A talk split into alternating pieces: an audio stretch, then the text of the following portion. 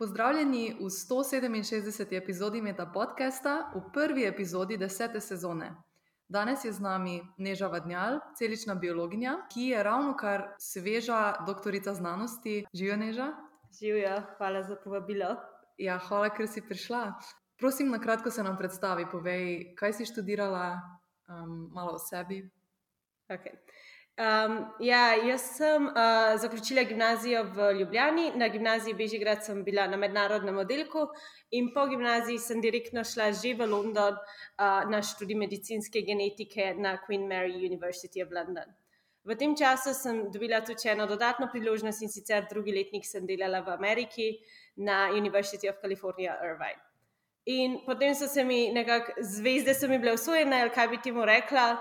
Uh, bila sem večkrat na pravem mestu, v pravem času, tako da sem takoj po diplomi uh, bila sprejeta na doktorski študij na University College London.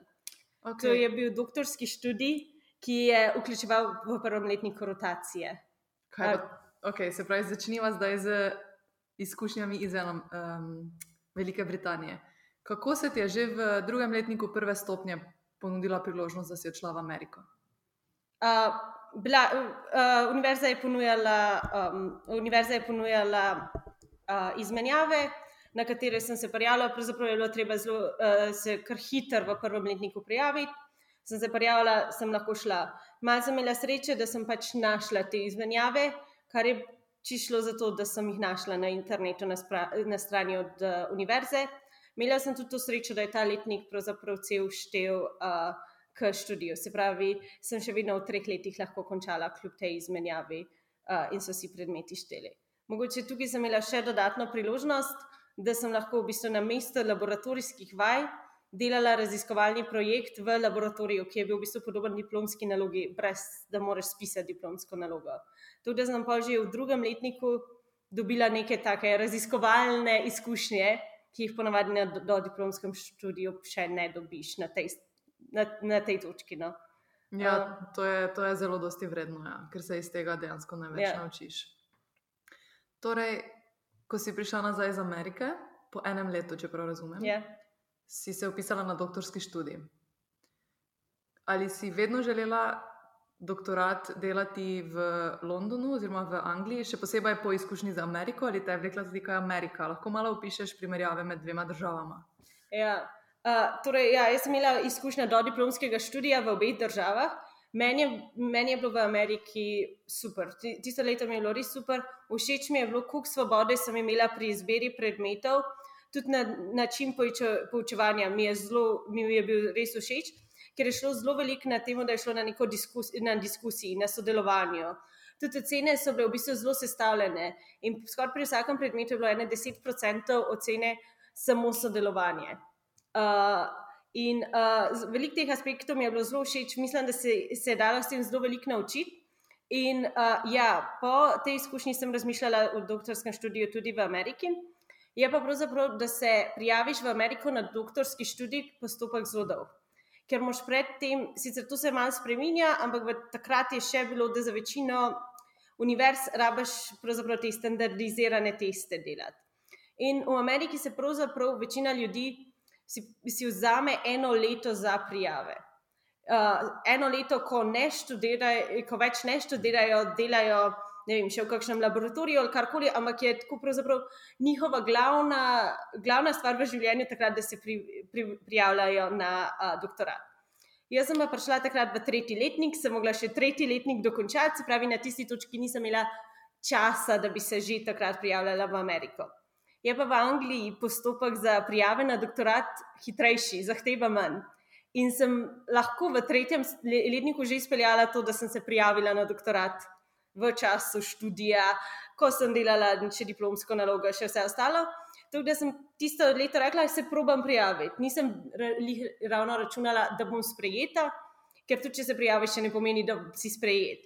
Ampak si, si mislila, zakaj pa ne, probam, to, se, to je bilo treba jeseni, če nisem sprejeta, se spomladi na magisterije, se, se prijavljam na magisterije in kasneje vidim, da me doktorat še vedno zanima, uh, kako bo. No, ampak sem bila takrat že sprejeta. Uh, in po, potem je tako, bila, zdela se mi je dobra priložnost, videla sem, da mi je fajn raziskovati. Uh, in sem se odločila, da grem v tej smeri. Tudi London mi je bil všeč in nisem, nisem bila zadržkov, zakaj ne bi sprejela te priložnosti.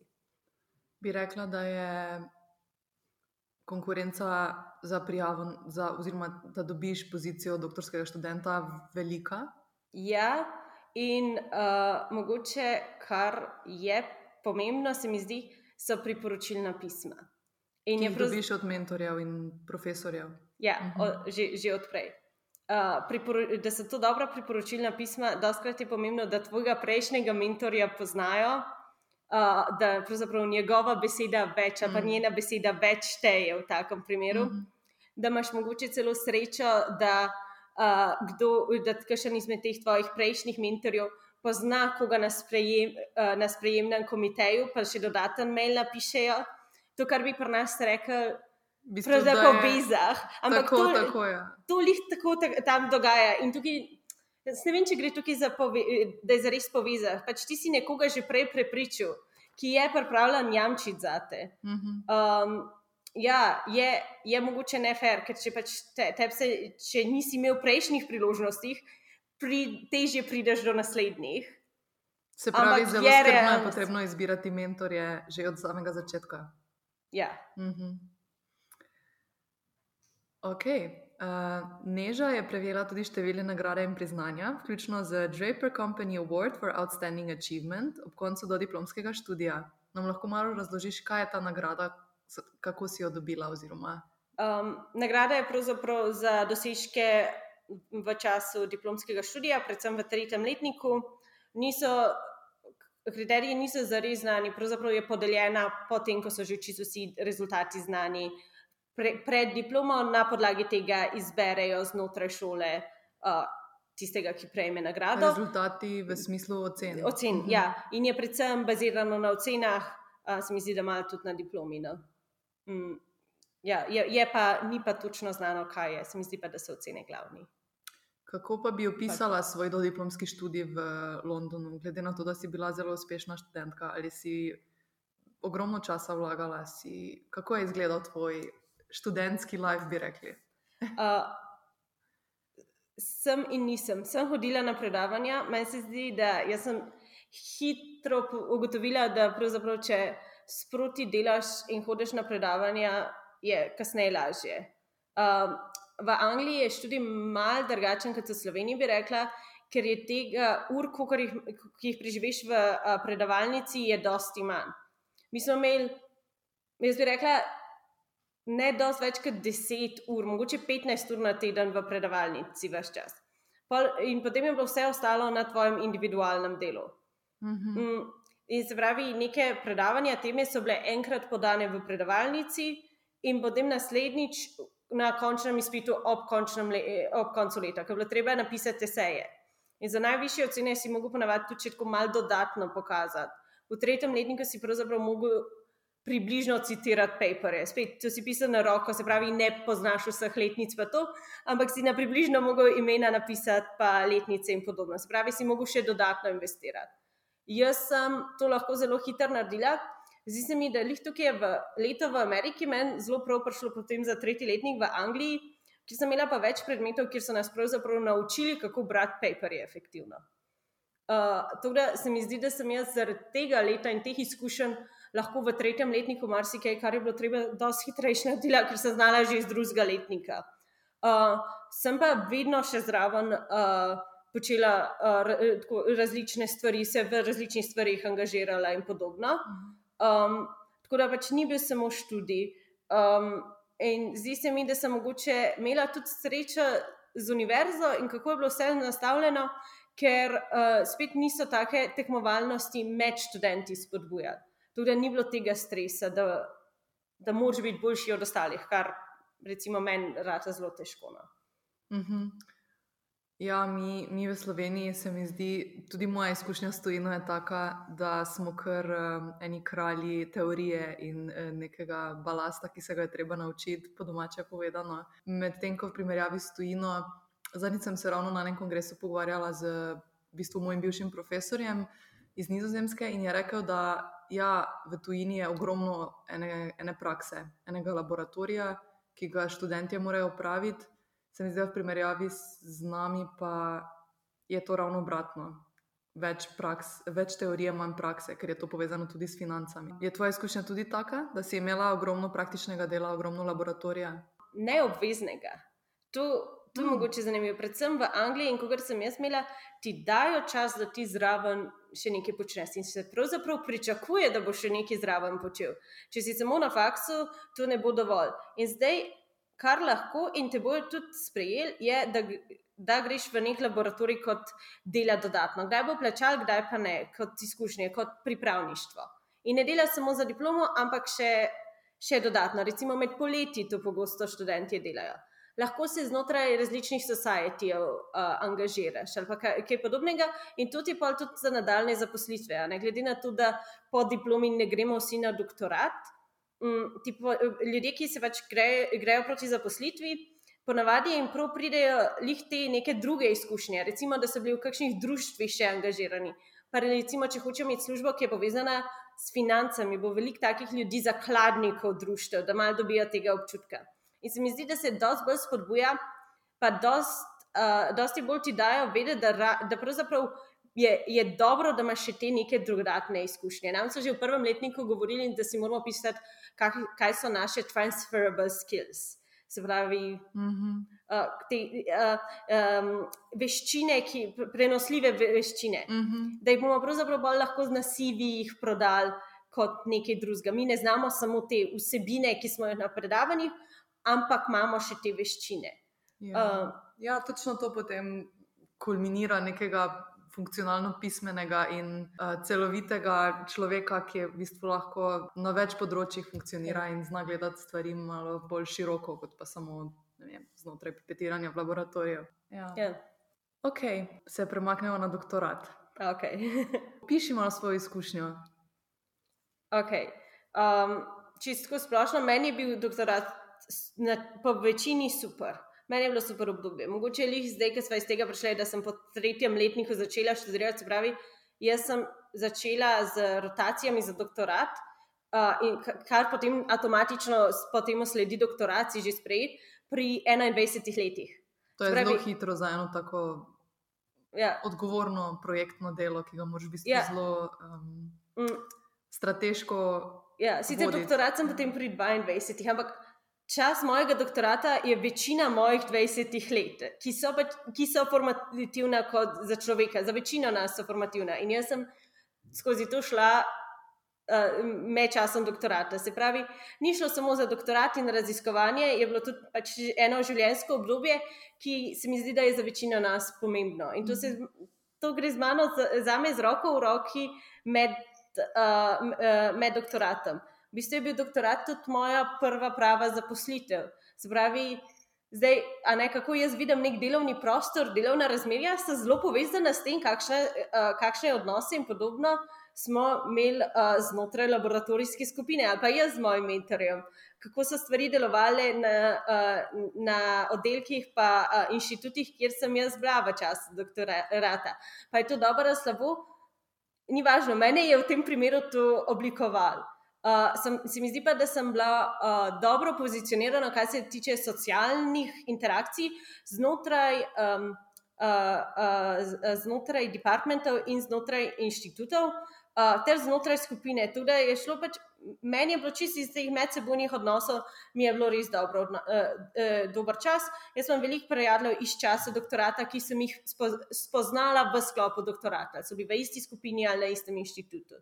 Torej, čisto glede tega pa, pa da delaš doktorat, vsa ta odgovornost, vsa ta vzdržljivost, ki jo razvijaš, te pa tudi razvija kot oseba. Ne? Se pravi, čisto raziskovanje tu pa me tudi razvilo na, na nek poseben način. Ampak jaz bi rekla, da je ja, včasih težka izkušnja, uh, ampak definitivno meni je bilo super, jaz sem se fino imela. No?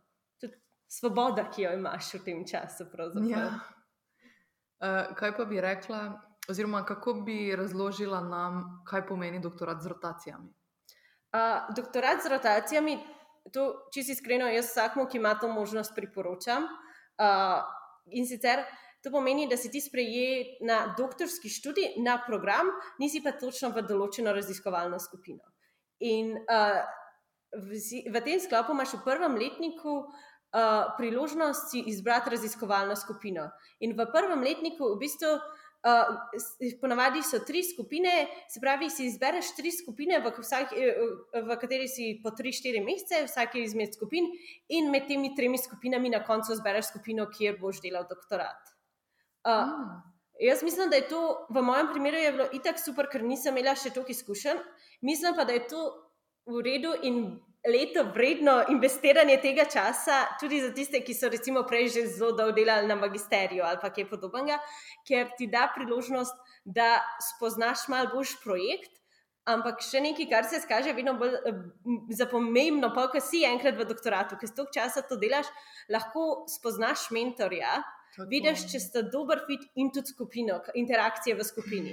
Ker se mi zdi, da so tiste dodatne stvari, ki v bistvu čas doktorata lahko naredijo, da je bil fajn, ali uh, da je bil fajn, tudi če projekt ni šel dober, ti pa take stvari. Ja, sam je bil dober čas v življenju, lahko je pa eden bolj groznih obdobij v življenju, če pravzaprav te medčloveške interakcije niso dobre. In preko rotacije ti te stvari izkušaš za tri mesece in vidiš in izbereš. Vse, vedno grejo lahko stvari na robe, ampak vse mal, mal, se malo bolj informirano odločiš, kaj se odločiš. Točno to je. Izbira mentorja je ful, ful pomembna in izbira skupine. Ja. Ja. Ampak če ne probaš, ne veš, da res ne. Tako. Greš enkrat spoznati, pa mislim, večina ljudi se lahko primerno obnaša za en dan. Ni vse zlato, kar se sveti. Ja. Prosim, razloži nam, kaj si raziskovala, kakšni so bili tvoji cilji, Mm. Raziskovalni cilji. Mo, jaz sem delala na projektu, ki je bil v bistvu dokaj interdisciplinaren. Bil je na področju celične biologije, zraven je bilo pa kar nekaj biofizike še. Šlo je za zelo bazičen projekt, ampak v v, v bistvu je pa šlo za razumevanje, kaj na molekularnem nivoju vodi do sprememb v obliki celice. Uh, se pravi, vzdrževanje določene oblike celice je pomembno za njihove funkcije. In tudi če uh, na hitro pomislimo, mislim, da vsak lahko pomisli, da ne, nevroni recimo, imajo zelo razvejano obliko in to je pomembno za funkcijo. Ne vem, spermi recimo, ne, ima zadnji cilijo ali pa epiteli ima tudi te laske uh, Mhm. cilije. In vse te, se pravi, tu, tukaj gre za različne oblike celice, ki so pomembne za njihove funkcije. In ka, kako, te, kako pride do teh oblik in kako se vzdržuje? Je Se pravi, tem je, sklopu? to, je ta pojem diferencijacija? Ne, ne, Ni ne, je, ne, je del diferencijacije, ampak jaz sem gledala samo na obliko. Mhm. Ker pa recimo do sprememb v obliki pa pride čist med kakšnimi fiziološko pomembnimi procesi, recimo celična delitev. In jaz sem gledala spremembe v obliki celice, predvsem med celično delitvijo. Ker čisto si predstavljaš, imaš celico, ki, če, če jo recimo narišemo, ni vedno tako, ampak ponavadi se celica najprej itak v večini primerov delitve zaokroži, da nastane žogica. Uh, in potem, da se razdeli, se ta žogica malo podaljša in se ugrezne na, na sredini, da se razdeli na dve Mhm. celice. Če zdaj pogledaš to, aha, tukaj se v bistvu oblika vse čas spremenja. Ta oblika se more spremeniti, da se bo celica razdelila. Uh, pravi, je dokaj ključno za proces celice.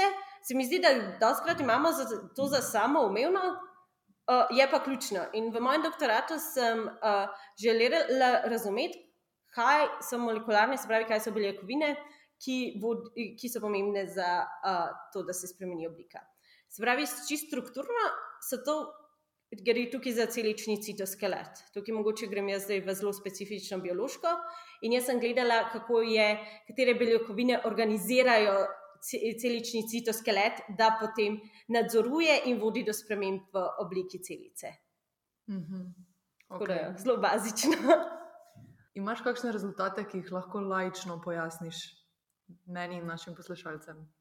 Ja, mogoče tukaj je bilo eden izmed zaključkov, je bilo, kako zelo veliko različnih uh, proteinov je pravzaprav pomembnih za te spremembe v obliki celici. Tukaj gre, uh, in tukaj, to je bil del moje raziskave, tukaj je v bistvu preko tisoč proteinov. So eni, ki naj, največ pripomorejo do te spremembe.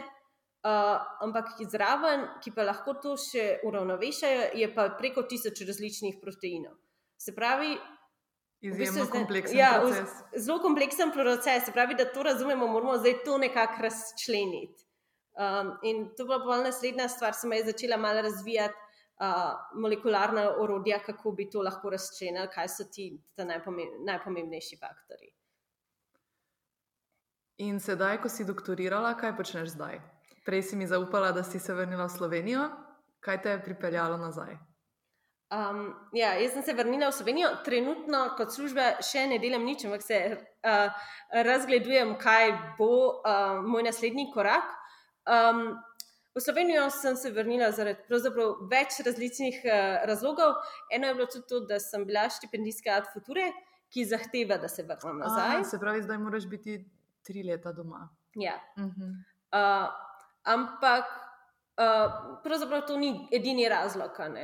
Meni je tudi čisto iz nekega osebnega vidika, mi, uh, me je zanimalo, kako je biti nazaj v Sloveniji, kako bi pravzaprav bilo živeti v Sloveniji kot odrasel človek, kar jaz nikoli nisem, zares. Jaz sem pri 18. šla. Um, Tudi da me je vedno to zanimalo. Jaz sem pravzaprav o življenju v Sloveniji na svoj način visoko mnenje. Jaz mislim, da je uh, um, mas, iz marsikaterega vidika življenjski status pa stil še vedno visok, dober, lep. Uh, in pač tukaj, ko enkrat nisi doma, se mi zdi, da se malo več, že malo bolj zaveš pomena družine in socialnega okolja. Ena stvar, ki je meni pravzaprav pri Sloveniji všeč, je, da se spet tako ne selimo. Ne? Recimo, jaz sem začela svoj doktorat v Londonu, pa smo pol mesece selili v Cambridge kot raziskovalna skupina. In zdaj, ko sem jaz odhajala iz Velike Britanije, že zelo veliko mojih prijateljev iz Londona prej ni bilo več v Londonu, ker so se preselili. Lihto so se iz Cambridgea. V, recimo v Angliji, kjer sem bila v okolju, kar je na svoj način zanimivo, se ljudje vedno selijo. V Sloveniji imaš pa več te stabilnosti. Kar mislim, da je dolgoročno, kdaj je fino, da imaš svoj socia to svojo socialno mrežo, uh, in, uh, ki je lahko tudi varnostna, ali pa čisto za neko počutje. Um, tako da jaz vidim prednosti uh, življenja v Sloveniji, zdaj mogoče se čez tri leta pogovarjava. Uh, ja. Pa jih več ne bomo, ker mogoče med Slovenci v Sloveniji je, uh, mnenje drugačno, uh, ampak bom videla.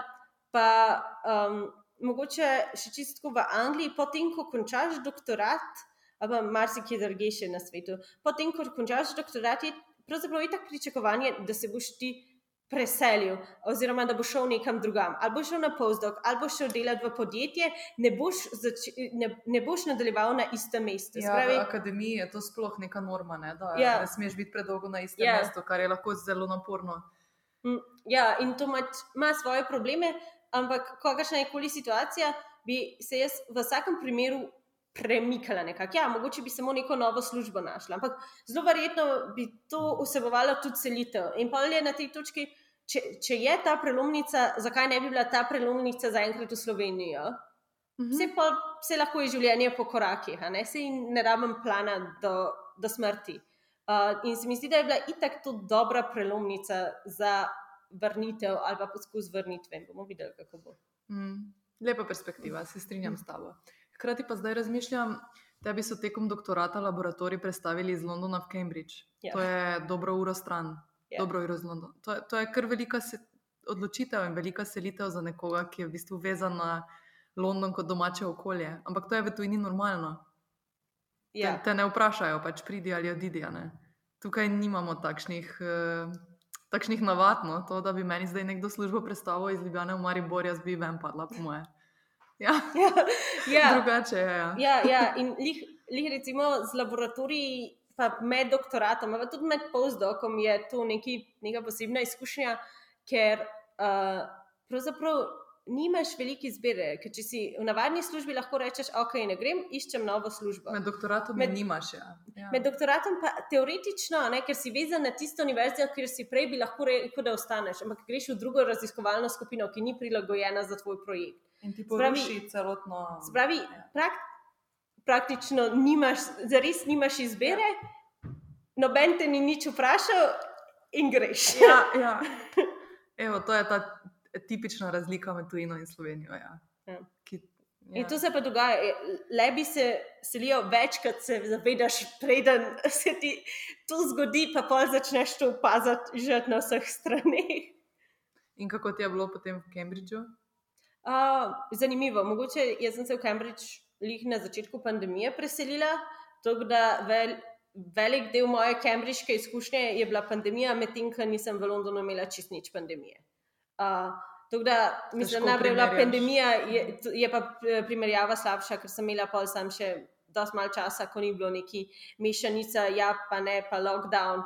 Uh, mm. Pa tako in drugače. Ampak tisto, kar pač, ja, pandemija ni bila super, ampak un, tisto, kar se pa dali izluščiti, je bilo pa zanimivo, fino. Uh, meni je več London posebno mesto, ki je bilo tudi Cambridge, mislim, Cambridge je pa ta neka. Tako mali, zibelka, ja, ja, ja. zibelka znanosti. Ja. Je pa zanimiva, je, je definitivno zanimiva izkušnja. No. Mhm. Kaj pa si želiš početi sedaj po doktoratu? To je težko vprašanje, ampak si, ga že, si, si ga že razjasnila? Uh, ne povsem. Jaz uh, bom to malo na daljše razložila. Jaz sem pravzaprav, z, me, meni je bilo marsikaj med doktoratom zelo všeč, kar bi me uh, navdihnilo, da nadaljujem v tej smeri, in si želela delati postdoc. Uh, jaz sem rada raziskovala, jaz imam rada proces raziskovanja. Ko imaš vprašanje, na katerega ne znaš odgovoriti, moraš najprej pomisliti, kako se ga bo sploh lotil, kaj bojo tvoje metode. Um, in potem, ko pač razvijaš, da prideš do novih dognanj. Meni je to super. Meni je všeč, da si večinoma okrožen z ljudmi, ki res radi počnejo to, kar počnejo. Uh, k, kaj bi rekla? No, večina se ne pride štempljati v službo, ampak dejansko delajo uh, z veseljem. Marsikdo z veseljem pomaga. Meni je pač v veliki meri mi je skupno, znanstvena skupnost zelo všeč. Uh, Ma pa pač trenutni akademski svet svoje težave, katerih se mi zdi, da se vsi doktorski študenti uh, zavedamo, uh, v smislu pač prekarnosti uh, dela. Da pač preden boš imel neko uh, vsem varnost, ki je pomembna v življenju in kako kar trenutno naš naša družba funkcionira, bi pa kar nekaj časa trajalo, če bo sploh, ne pa en, pa grend, pa naslednji grend. Ena stvar, ki pa pač me najbolj moti in mi daje največje dvome, je pa, kako damo na publikacije, ki jih poskušamo kvantificirati. Mm -hmm. Medtem, ki gre pa doskrat za nek element sreče zraven. Ker jaz sem spoznala super raziskovalce, ki so res sposobni, dobro razmišljajo ampak pač vse stvari niso potekale do publikacije, kot bi morale. Ali...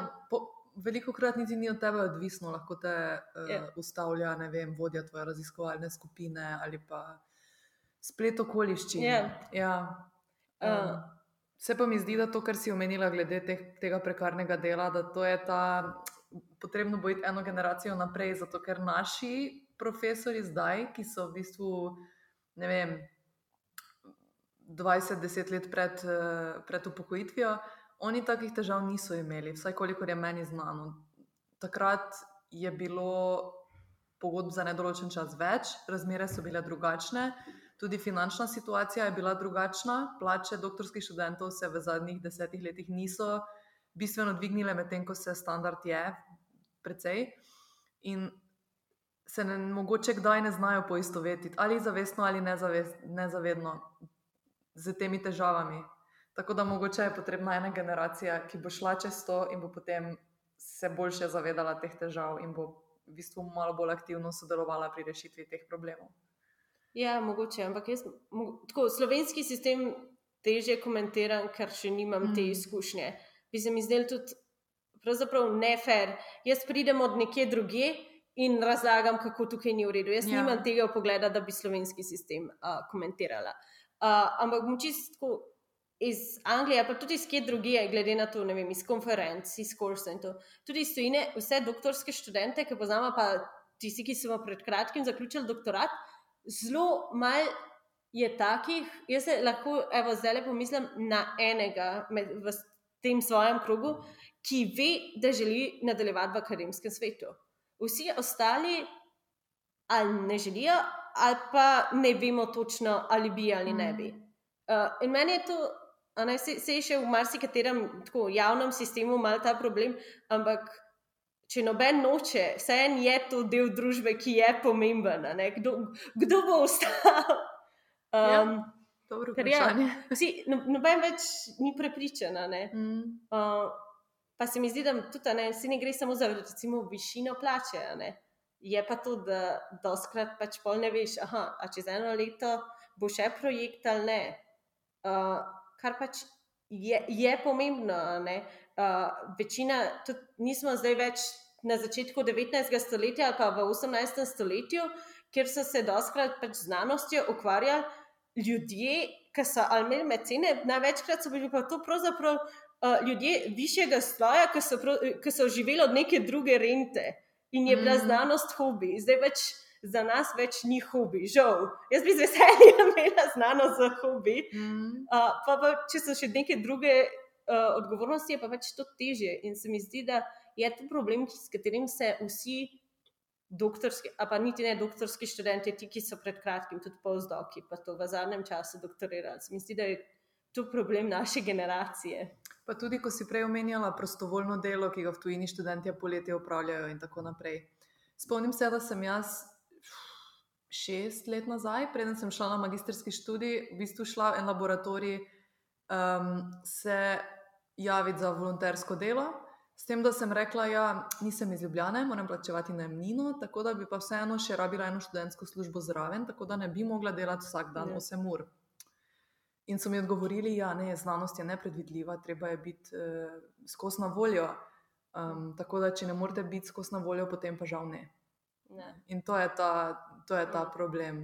Um, to je mogoče nekaj, kar v tujini se je začelo zdaj zelo izpostavljati, da pač s takimi stvarmi res delaš razlike, glede na socialni razred ja. študentov.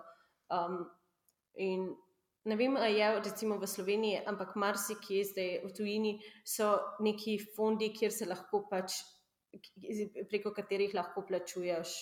Um, takim pač do diplomskih študentov, ki te res ne volontirajo, ampak dobivajo zraven neko štipendijo, žepnino.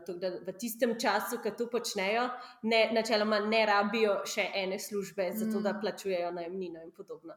Da, v Tvini se mi zdi, da to se spremenja. Um, mm -hmm. ja, jaz, pa... sedaj, če sedaj pogledam svoje sodelavce, ki so v bistvu volontirali, sedaj so doktorski študenti ali pa še volontirajo, jih je pa velika večina iz Ljubljana. In ja. so medtem lahko živeli doma. Da, ja. ja, še vedno se delajo neke razlike, no, ampak da zdaj ne bo šlo čisto v topik.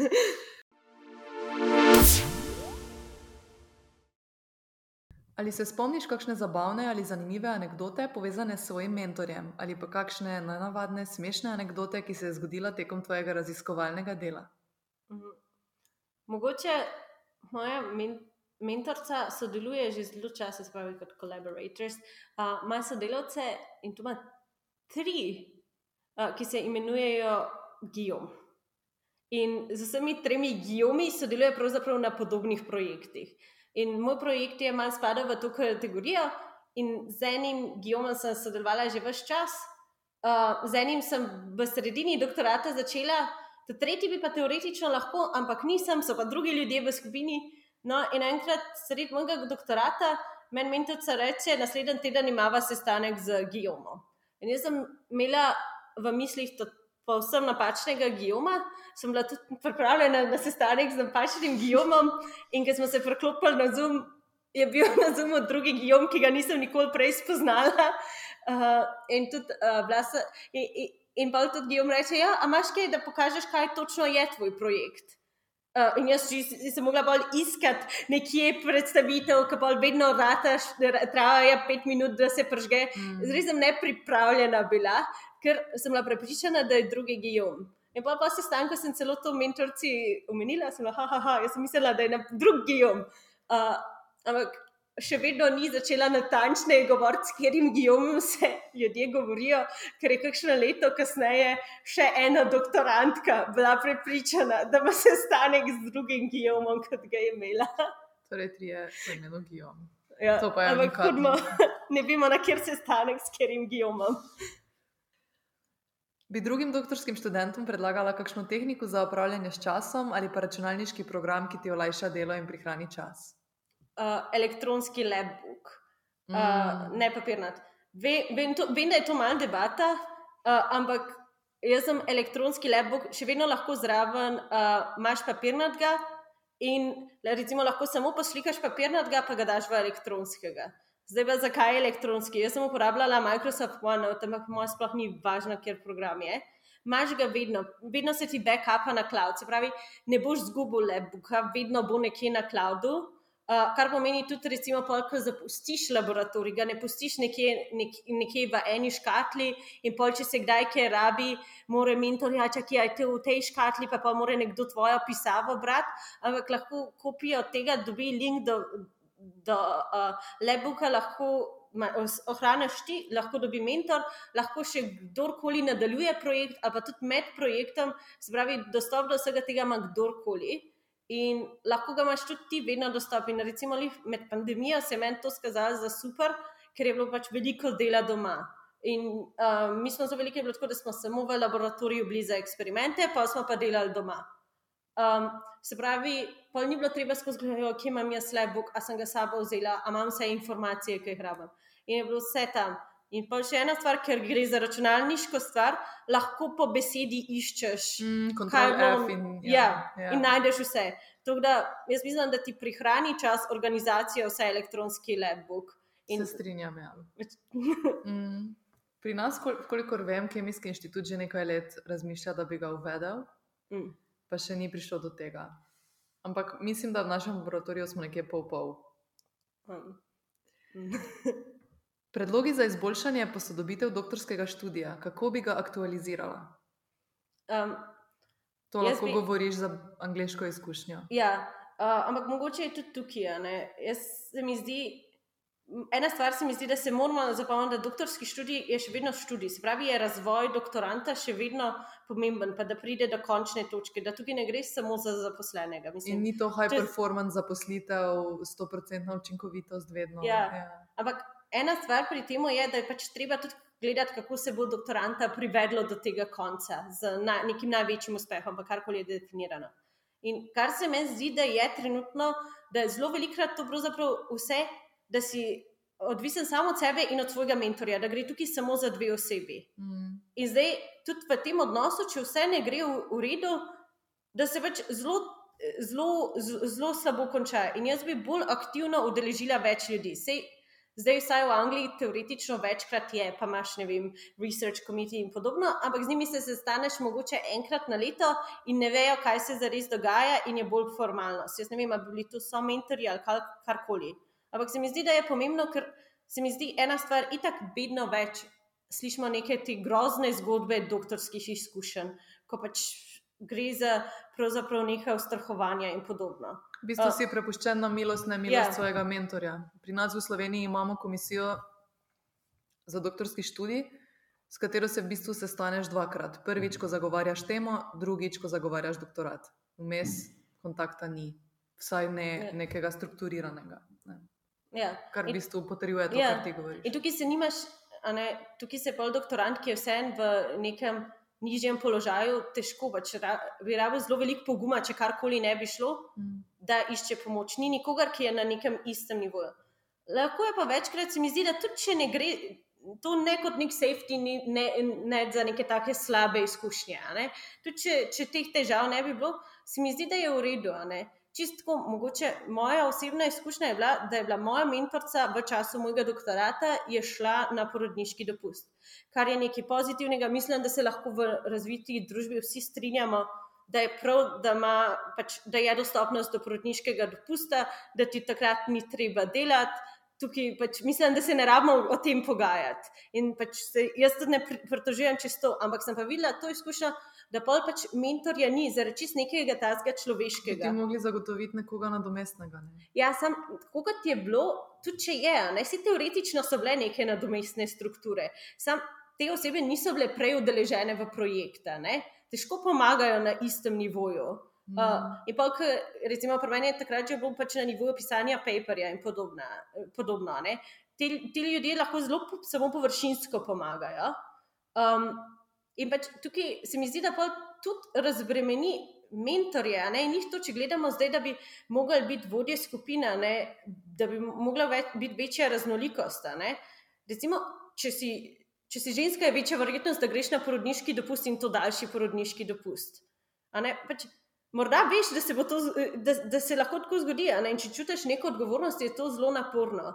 Pač mm -hmm. Govorimo o zelo veliki izgorelosti tudi v akademskem prostoru na splošno.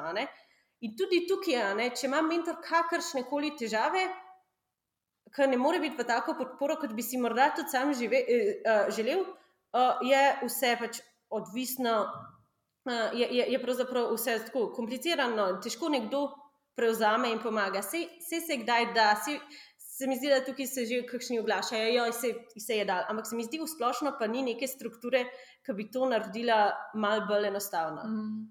Hkrati pa tudi ni neke strukture, za obe, za, tako kot si rekla, za obe strani, tudi ja. doktorski študenti, recimo, da bi ti imel komisijo, ki vidi, da je doktorant že krepko čez rok, ko bi moral ja. doktorirati, pa da bi pol vsaj malo potipal mentorja, ej, kaj se dogaja, zakaj traja ja. tako dolgo. Ne? Ja. Se mi zdi, da bi oboje stransko profitirali. Tako je. Pa mogoče čist ena stvar, glede reorganizacije. Se mi zdi, da se doktorski študenti, a ne, ki spet se pogovarjamo o tem trenutnem stanju akademije, ker pač ni prostora, da bi zaposlili vse doktorante. Uh, in bo vsakem, kar je, jih bo vsaj pol, če ne več, mm. šlo v nek drug sektor. In se mi zdi pa, da se doskrat pravzaprav sploh ne zavedamo, kaj so naše možnosti. Ja, lahko greš v podjetje, v uh, eh, RD, se pravi v razvoj, v neko podjetje. Ampak pravzaprav mi razvijamo zelo veliko drugih. Uh, um, mi razvijamo še zelo veliko drugih veščin med doktoratom. Ne? Mi smo izpeljali cel projekt. Večina doktorantov je zmanjžirala cel projekt in doskrat z velikimi sodelavci. Mm. Ampak se teh svojih izkušenj ne zavedamo čist, oziroma se mi zdi, da se doskrat ne zavedamo, čist kaj bi lahko z njimi vse počela, ne? da ni samo tukaj RD. Uh, mm -hmm. yeah. uh, in se mi zdi, da nekako to, to dati noter. Mi smo jih v Angliji imeli več nekih teh dogodkov, kjer so prišli ljudje, ki delajo v podjetju, v RD-ju. Tako da to nam je bilo jasno. Uh, sam jaz se pa zdaj, kakšni moji prijatelji so doktorirali pred mano, pa recimo že dve leti ali pa kaj takega. Uh, se večkrat zgodi, da kdo reče: A veš, kaj sem zvedel, kar mi lahko počnemo, taka pa taka služba. No, da je povedal, kaj lahko še počnemo. um, mislim, mogoče v Sloveniji malo drugače, ampak recimo v Angliji je čisto, kar, kar mogoče bi bilo, ampak v Angliji si lahko zelo veliko, je, so dostkrat uh, doktoranti v raznih, um, se reče, policiji. Uh, se pravi, z ja, od, odločevalskimi. Odločevalski pa to, ampak ja. se mi zdi, da se o tem tukaj ne, uh, uh, ne govori, ali pa kaj točno so odločevalske politike. A, mislim, mm. uh, se ti, mogoče, mogoče se ti sliši dobro, jo, jo, se ti pa dobro, ampak veš, kaj, kaj to pomeni kot delo? Ja, to je tako abstrakten uh, pojem, ja. ki ga povezujemo s, dobesedno s politiko. Ja. Ja. Um, Ali pa ne, recimo, jaz imam zdaj prijatelje, ki so našli medical science writer, ki dela za podjetja, ki v bistvu pišeš. Mi smo napisali članke, mi znamo prodajati, zna, uh, mi, mi znamo pogledati znanstvene rez, rezultate in jih napisati. In zdaj, pravzaprav, ne, vsa podjetja, ki ko oni naredijo svoje, pa imajo nek nov izdelek, tudi to skomunicirajo v uh, laičnem in bolj strokovnem smislu. Zato imamo na našem področju pravzaprav izkušnje, da se lahko v to vlogo zelo hitro prevarimo, ker karkoli začneš novo službo, se najprej uvajaš. Mm -hmm. Mi smo lahko uvedeni v te službe. Uh, ampak tudi jaz, ne, sem rekla, jaz trenutno raziskujem, kaj se bi lahko počela. Tudi jaz ne vem, ne lihto. Se mi zdi, da nisem bila dovolj mm. spostavljena vsemu, kar bi lahko, kar je škoda pravzaprav. Ja, v bistvu cel, cel čas doktorata moraš okrog sebe hoditi um, v bistvu moraš hoditi okrog z odprtimi očmi, da, ja. da, da opazuješ in v bistvu delaš plane za naprej. Ja.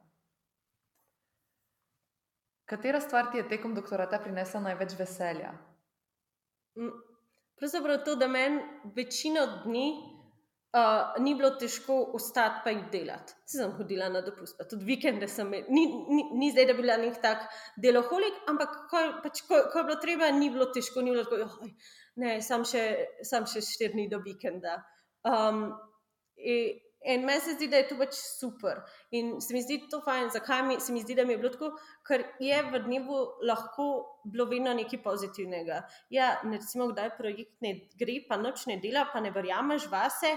Ampak jaz mislim, da sem imela to srečo, da sem imela super sodelavce, da če ne drugega, sem pa imela neke fajne interakcije uh, na, koncu, uh, na koncu dneva. Ali pa kdo ali, ali bil kdo pripravljen pomagati, ali je bila pa neka interakcija, sploh ne tako povezana vem, z mojim doktorskim uh, študijem. In se mi zdi, pač, meni je res to v veselje, da v teh zadnjih letih mi zjutraj ni bilo težko iti mm. na delo. Kakšen je tvoj način za spopadanje s stresom in morebitno negotovostjo? Okay.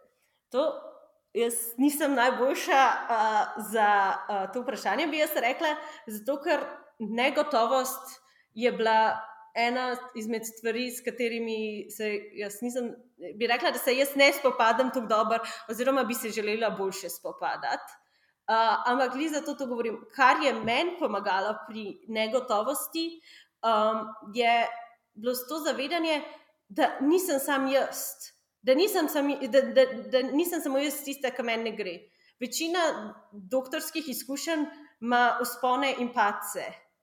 Uh, samo mogoče niso, verjetno ne bojo vsi na istem točki tega uspona ali paca, uh, kot sem jaz. In meni je pač pomagalo se to zavedati, da je to normalno, da sem jaz negotova, da mi nekaj ne gre, da se bo, da, da, da se bo boljš. In, in zato jaz govorim, da jaz sem bila tudi negotova, pa da se ne znam spopadati, ker meni je bilo največje pomoč, kadar so bili ostali ljudje iskreni glede tega. Recimo, tudi odskrat, ne vem, postdoki, ki so ljudje zaključili in so rekli: Ja, gled, vse zgodi med doktoratom, jaz tudi ne morem. Ampak, so bili kakšni starejši študenti, ki so bili: Ja, gled, a se ne spomniš lani, la, lani, ki sem. Uh, uh, jaz bi tako, pa kaj tasga. In v bistvu Ja, uh, mogoče se jih v to približujem. Za vse te stvari se mi zdi, da je zelo pomemben ta nek peer network, se pravi, so vrstniki mm. v slovenščini. Um, se pravi, ja, ta peer network, ki ti pomaga, ki se lahko tudi pritožiš, ker seveda pač. Fake it until you make it, včasih velja. Ne? Je pa dobro imeti neko to skupino, ki lahko rečeš, uh, jo, jaz, pač, jaz ne vem, kaj delam, ja. kaj se tukaj dogaja. Uh, in pač Tako da jaz mislim, da ja, meni pomaga nek ta peer network, se pravi, in ljudi v skupini, niti ne samo študentov, pa tudi malo širše znotraj uh, inštituta, pa departmenta. Um, tudi zato, ker tukaj gre um, za neke ljudi, ki vsem poznajo, ve, vejo, kaj je to delati doktorat. Pa ve, kaj je to, da ti v tej neki temi razmišljaš v bistvu več let vsak dan, da kako si pravzaprav v tem noter in da mogoče kdaj tudi čutiš te stvari malo bolj, kot se kot bi bilo prav. Ker pa govoriš z vem, domačimi ali pa s prijatelji, ki ne delajo znanosti in so tako pač, pa sej, sej samo to, kar delaš. Mislim, kaj pa če ne deluje. Uh, in zato se mi zdi, da je ta peer network tukaj uh, pomemben, ko vse ne razumejo, kako to pa zakaj. Tebi to tako pomeni. Pa, če se ne vprašajo vsak tretji dan, kdaj boš doktoriral. Ja. Ok, še zadnje. Če bi lahko bodoči doktorantki ali doktorantu dala en nasvet, ki si želiš, da bi ga prejela ti, kakšen uh, bi bil? Po mojem, meni se zdi, da jih to naredi, si to tako okolje, ki te podpira. Ne? Doktorat se je individualen, ampak okolje pa lahko spremeni. Uh, to, a se lahko z nekom pogovoriš, prosiš za pomoč. In ja, fino je, da imaš neko čisto zasebno podporo, ampak se mi zdi, da je pa tudi v redu ta bolj profesionalna, ta peer network, mm. ko, ko ne veš, kaj boš delal. Recimo, jaz, ki sem delala pač. Um, Biološki celični uh, projekt, ne, pa je treba kdaj uh, uh, celice uh, pasažirati, kako se mm -hmm. razdeli. Ja, ja, ja. Uh, no, um, da, da kdo to lahko naredi na mestu tebe, ki bi, bi si vzel podaljšen vikend ali karkoli. Ali to, ali pa pač imaš največji. Uh, uh, največji freakout, ki pač mogoče nočeš, da ga vsi vidijo, mogoče nočeš niti pred mentorjem izpadati, kaj se dogaja. Yeah. Ja, da lahko pač nekomu na tem nivoju zaupaš. In jaz mislim, da je pač pomembno si to ustvariti in mogoče tudi, ker zbiraš okolje, malo pogledati, če je, če se to spodbuja. Pa mogoče še dala bom eno svet, ki meni ne gre tako dobro ga slediti, ampak misl, jaz sem ga dobila in mislim, da bi ga mogla slediti, pa čist mi ne gre in sicer ne se primerjati z drugimi. Jaz sem to večkrat slišala, mislim, da bi mogla slediti, pa še nismo čista. Ok, Neža, fuldi hvala za ta super pogovor. Um, so srečo pri tvojih bodočih izzivih. Hvala za povabilo.